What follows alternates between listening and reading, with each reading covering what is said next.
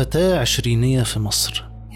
اتنصب عليا؟ اتعرفت من صديقة ليها على application جديد لتعدين العملات المشفرة. باختصار انت بتشحن فلوس للمنصة دي وبتجيلك مكسب. رحت عملت card ودفعته للمنصة دي. المنصة فضلت تنزل عروض مغرية ومربحة أكتر. تدفع 4000 جنيه؟ كمان خمس أيام هيجيلك 20000 في بقى حاجة أكبر؟ ادفع 8000 وبعد خمس أيام هينزل لك 40000 يعني روح ادفع 12 هينزل لك 60000 أنا طمعت وعملت في نفسي نصيبة بعت تليفون أخويا الصغير لسه جايبه جديد ودخلت ناس معايا بالفلوس التانية. وقلت لهم هديكوا الفلوس الضعف. وهقسم الفلوس ما بيني وما بينكم. مضيت على نفسي. في نفس اليوم تقريبا مئات المستخدمين لمنصة هوج بول نشروا حكايات مشابهة وده بعد ما الابليكيشن وأرقام التليفون وجروبات الواتساب كلها اتقفلت. وفجأة تلات أيام بس والبرنامج قفل والفلوس راحت. أنا مش عارفة أنا مش مصدقة. هذه الواقعة حدثت في مارس من عام 2023 بعد ما أكثر من 800 ألف مستخدم لمنصة هوك بول اللي بتدعي أنها تعمل في تعدين العملات الرقمية وجدوا أنها اختفت تماما بعد ما جمعت 6 مليار جنيه. أنا مش عارفة أتصرف مش عارفة أفكر في حاجة. محدش يعمل كده محدش يعمل زي ما أنا ما عملت. بعد ساعات من اكتشاف حقيقة الشركة دي عدد كبير من الضحايا قرر إبلاغ مباحث الإنترنت بالواقعة وبالفعل تم القبض على 29 متهم متورط في عملية النصب ولا يزالون قيد المحاكمة حتى الآن.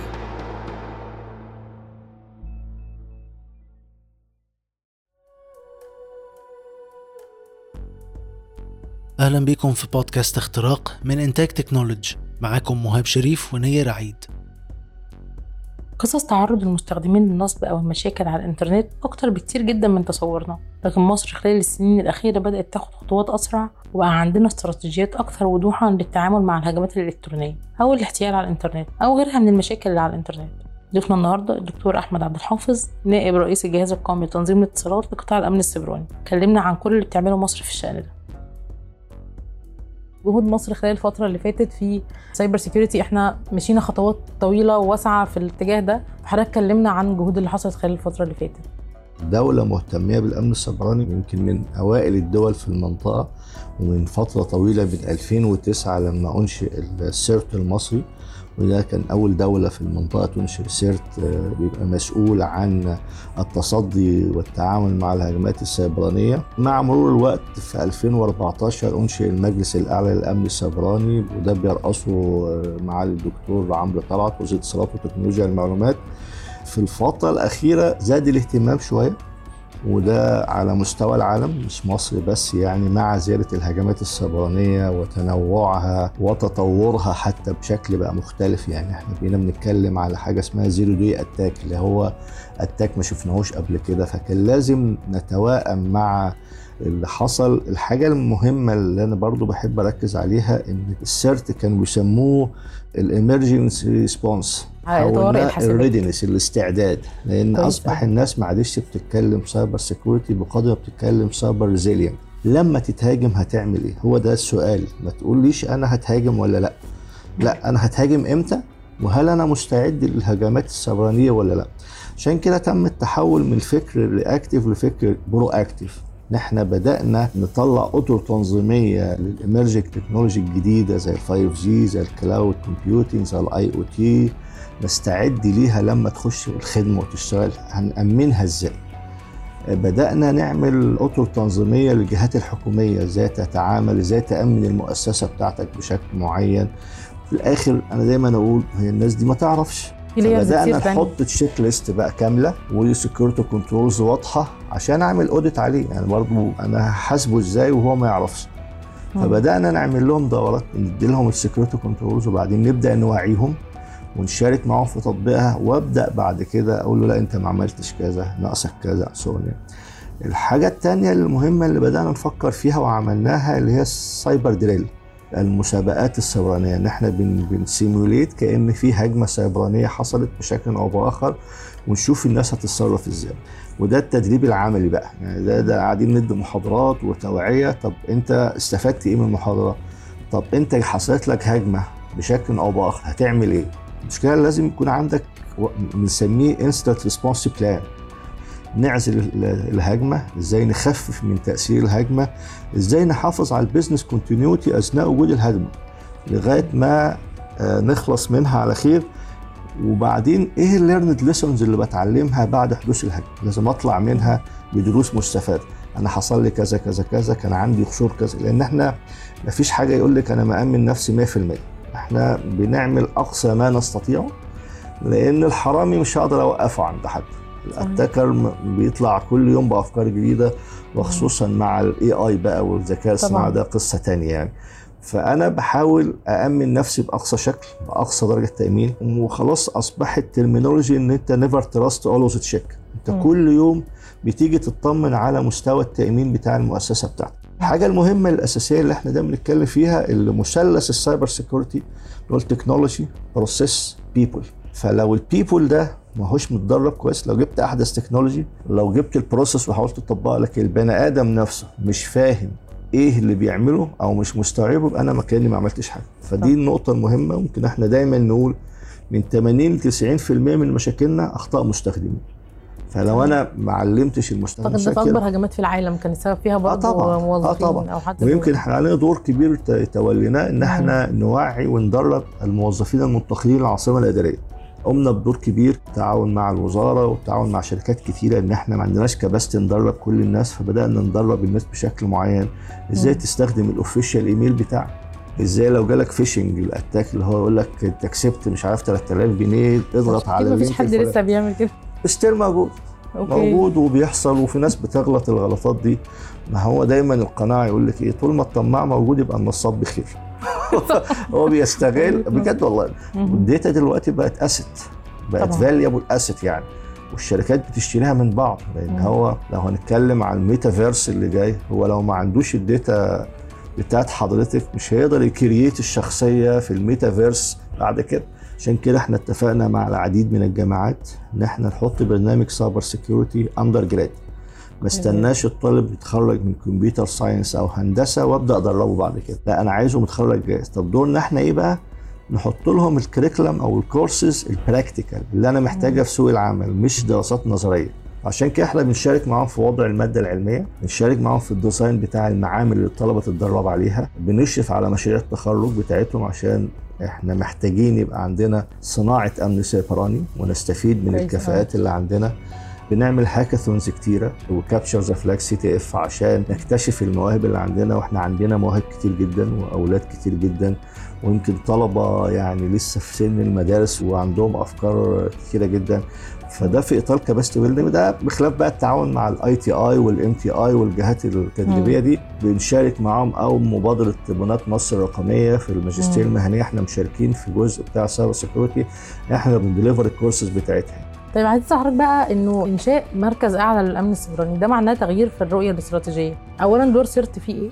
المنفذ يمكن للمجلس آه الاعلى ال CERT هو الذراع التنفيذي بالظبط. للمجلس الأعلى للأمن السيبراني. الهدف الرئيسي من إنشاء المجلس إن هو توحيد جهود الدولة عشان في جهات كتير فاعلة في مجال الأمن السيبراني وبس كانت شغالة جزء منعزلة. يبقى توحيد الرؤى يبقى نحط السياسات إحنا كان عندنا الاستراتيجية السابقة 2017 ل 2021 ونتيجة ال pandemic بتاعت الكوفيد الكورونا مدينا العام 2022 وأطلقنا الاستراتيجيه الجديدة 2023 2027 الاستراتيجيه الجديدة الرؤيه مختلفة شوية بنتكلم زي ما قلت لحضرتك على صناعة أمن سيبراني إحنا بننسق مع ITIDA عشان نشوف ال startup companies والأفكار الجديدة ندعمها.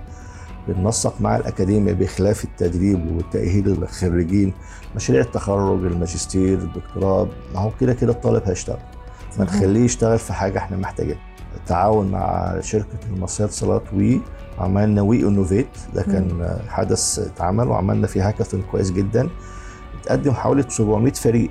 واللي نجح في الآخر كان 20 فريق وفي الآخر لجنة التحكيم كان المفروض نطلع ثلاثة فايزين بس اضطرينا ندي الخمسة لأن مش قادرين نميز ده عن ده الأولاد كلهم شاطرين جدا حتى بقية ال 20 أنا جبتهم هنا عشان أشوف الأفكار وإزاي ندعمها الأمن السيبراني مسؤولية الجميع ده السلوجان بتاعنا مش مم. مسؤوليتنا إحنا بس مسؤولية المجتمع كله طيب في توجه مؤخرا إن يبقى في أكتر من سيرت لاكتر من قطاع آه طبعا أكتر من سيرت طبعاً. لاكتر من إقليم فالخطة ماشية إزاي في الموضوع ده؟ وتطبيقاتها إزاي؟ إحنا الحل نتيجة حجم الدولة.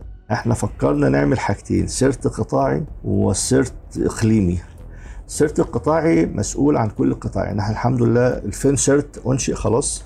البنك المركزي أنشأ ال Fin-CERT كنا متعاونين معاه وانضم ال FIRST الحمد لله. والأسبوع ده في اجتماع في أبو ظبي حاليا منظمه العالم الإسلامي ال CERT الإسلامي وال CERT ال Fin-CERT هينضم ليه.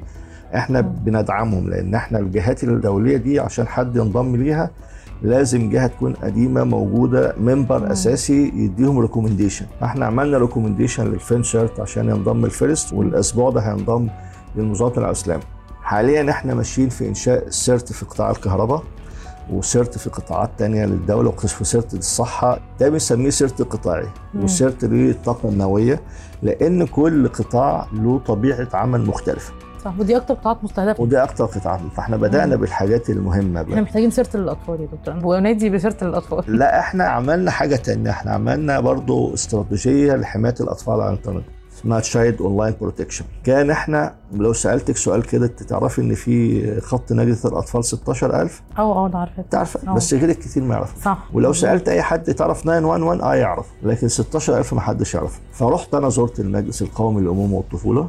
وقابلت. الأمين العام هناك بحيث أنتوا لو حصل لكم اعتداء على طفل على الإنترنت آه، cyber crime أو cyber enabled crime بتعملوا إيه؟ هم كانوا بيتكلموا على ال physical abuse الاعتداء الجسدي لكن الاعتداء على الإنترنت مش عارفين يعملوا إيه فعملنا استراتيجية واعتمدت من المجلس الاعلى لامن السيبراني بالتعاون مع مجلس القومي للأمور الطفولة ومع النيابة العامة مكتب حماية الطفل ومع وزارة. التضامن والوزارات والجهات المعنية عشان نوحد الجهود أنشأنا الفين سيرت واعتمد وخلاص. السيرت بتاع قطاع الكهرباء يعني قدامه شهر شهرين يخلص. هات الرقابة على الطاقة النووية برضو شغالين معاهم نعمل سيرت القطاع الطاقة النووية.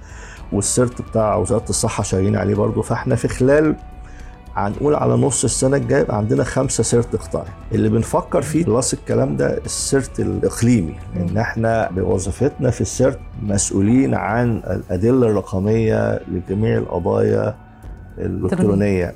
قوة القانون 175 سنة 2018 أصبح ال data اللي على الموبايل أو على اللابتوب أو على الكمبيوتر أو على أي جهاز إلكتروني هو حرز أو دليل رقمي. طب مم. إحنا لو حصل لي قضية في أسوان عقبال ما يجي الحرز ممكن يحصل له أي حاجة يا إما يفقد يا إما حد يلعب فيه. لأن أنا لو حد غير في ال data اللي موجودة على الجهاز أو الحرز اللي جاي لي ممكن يحصل فيه مشكلة. ففكرنا نقسم الدولة لمجموعه من القطاعات الجغرافية وننشئ فيها CERT إقليمي بس دي لسه هنبدأ فيها إن شاء الله من أول السنة الجديدة لأنها محتاج موازنة مالية جديدة عشان إنشاء الكيانات دي وتأهيل الناس وتوريد المعامل وحاجات زي كده بس ده في الخطة عندنا ده ودى مصر فين؟ التطور الكبير ده نقلنا فين على مؤشر الأمن السيبراني وإحنا بنطمح لايه خلال الفترة دي؟ إحنا كنا في 2014 كنا رقم 17 2017 بقينا رقم 14 2021 بقينا 23 هتقولي لي تراجعنا؟ لا ما تراجعناش. لما كنا رقم آه، 14 كنا جايبين 87 من 100 إحنا رقم 23 وجايبين 95 ونص من 100 أوكي. فده إحنا في تقدم بس الدنيا كلها بتجري حوالينا. العالم كله يعني ال 5% بينافسوا عليها 23 دولة في العالم حاليا. فإحنا في مصاف الدول أنت بتتكلمي على 193 دولة في ال GCI يعني. فإحنا تقريبا من الربع الأولاني في تقييم الدول. نتيجة التقييم الجديد لسه ما ظهرتش المفروض هتظهر على آخر السنة لكن مش متوقع إنها تبقى بالدرجات هيقسموها levels يعني هم اكتشفوا وجود الدرجات دي عاملة competition ما بين الدول. بالرغم إن هو المفروض يكون في cooperation ما بين الدول طبعاً. وليس competition يعني لأن. هو بالذات الدول المجاورة يعني آه إحنا بنتعاون مع كل دول لسه جاي من الأردن ماضينا بروتوكول تعاون مع الأردن والسعودية والإمارات بعتنا نعمل بروتوكول تعاون معاهم بحيث ان يبقى في تداول للمعلومات تداول لل best practice اللي بيتم آه بنجيب data إحنا. حتى متعاونين مع الشركات الكبيرة عشان تجيب لنا feeds عن الهجمات السيبرانيه اللي بتحصل على مستوى العالم بنبدأ ندرسها ونطلع بيها تقارير فلازم نبقى إحنا aware باللي بيحصل حوالينا مش في معزل عن العالم يعني. السؤال بقى اللي هو لازم نتعمق فيه التعاون بين الدول الجوار. يعني حضرتك قلت سريعا كده إن إحنا عندنا تعاون مع الأردن والسعودية والإمارات برضو في ال pipeline الدول دي بتصرف كتير قوي على التكنولوجيا آه. وبرضو آه. أكيد بيصرفوا كتير على ال cyber security مش عايز أقول لك الأرقام يعني. آه أنا متخيلة. مرعبة يعني. آه. بصي إحنا في مجال التعاون إحنا ما فيش فرصة بنجدها نتعاون مع دولة. أو مؤسسة مثيلة أو شركة كبيرة بتجيلنا في شركات كتير بتجيلنا يعني Kaspersky إحنا ماضينا وجه Kaspersky نفسه هو اللي مضى البروتوكول مع السيد رئيس الجهاز يعني مم. اهتمامه بمصر يعني. Trend Micro ماضية معانا بروتوكول تعاون بناخد منها feeds كتيرة بيعملوا لنا دورات توعية بيدونا تدريب لل- للولاد بتوعنا بشكل مكثف. التعاون ما بين الدول إحنا متعاونين على المستوى العربي بشكل جيد جدا. إحنا في ال steering committee بتاع المركز العربي الإقليمي. ال CERT الإفريقي إحنا متعاونين معاهم بشكل كويس جدا برضه. فإحنا على المستوى العربي في تعاون جيد مع كل الدول العربية على المستوى الإفريقي في تعاون جيد على المستوى الدولي إحنا مشاركين بشكل مكثف في وضع قوانين مكافحة الجرائم الإلكترونية على مستوى العالم. ان أنا لو جريمة إلكترونية تمت من أكثر من خمس ست دول ده اللي بيحصل هجمة كمان. من دولة فلان على دولة فلان ومكتسبات الهجمة في الحتة في دولة X عن سونيا فلازم الدول دي فحاليا إحنا من الموجودين في ال UN عشان وضع قانون دولي للتعامل مع الجرائم الإلكترونية. دورنا على المستوى الإقليمي والمستوى الدولي جيد جدا لأن الهجمة ممكن تيجي من أبسط حتة. 20 تريليون دولار خسائر أمن سيبراني أنت بتتكلمي ده بس الرانسام وير اللي هو هجمة آه، الفدية. أيوة. لكن على مستوى الهجمات السيبرانيه إحنا الناس بتتكلم في أكتر من 20 ده السنة اللي فاتت كان 8.5 تريليون يعني. 2025 بيتكلموا في 20 تريليون خسائر يعني. أيوة. فالموضوع بشع يعني.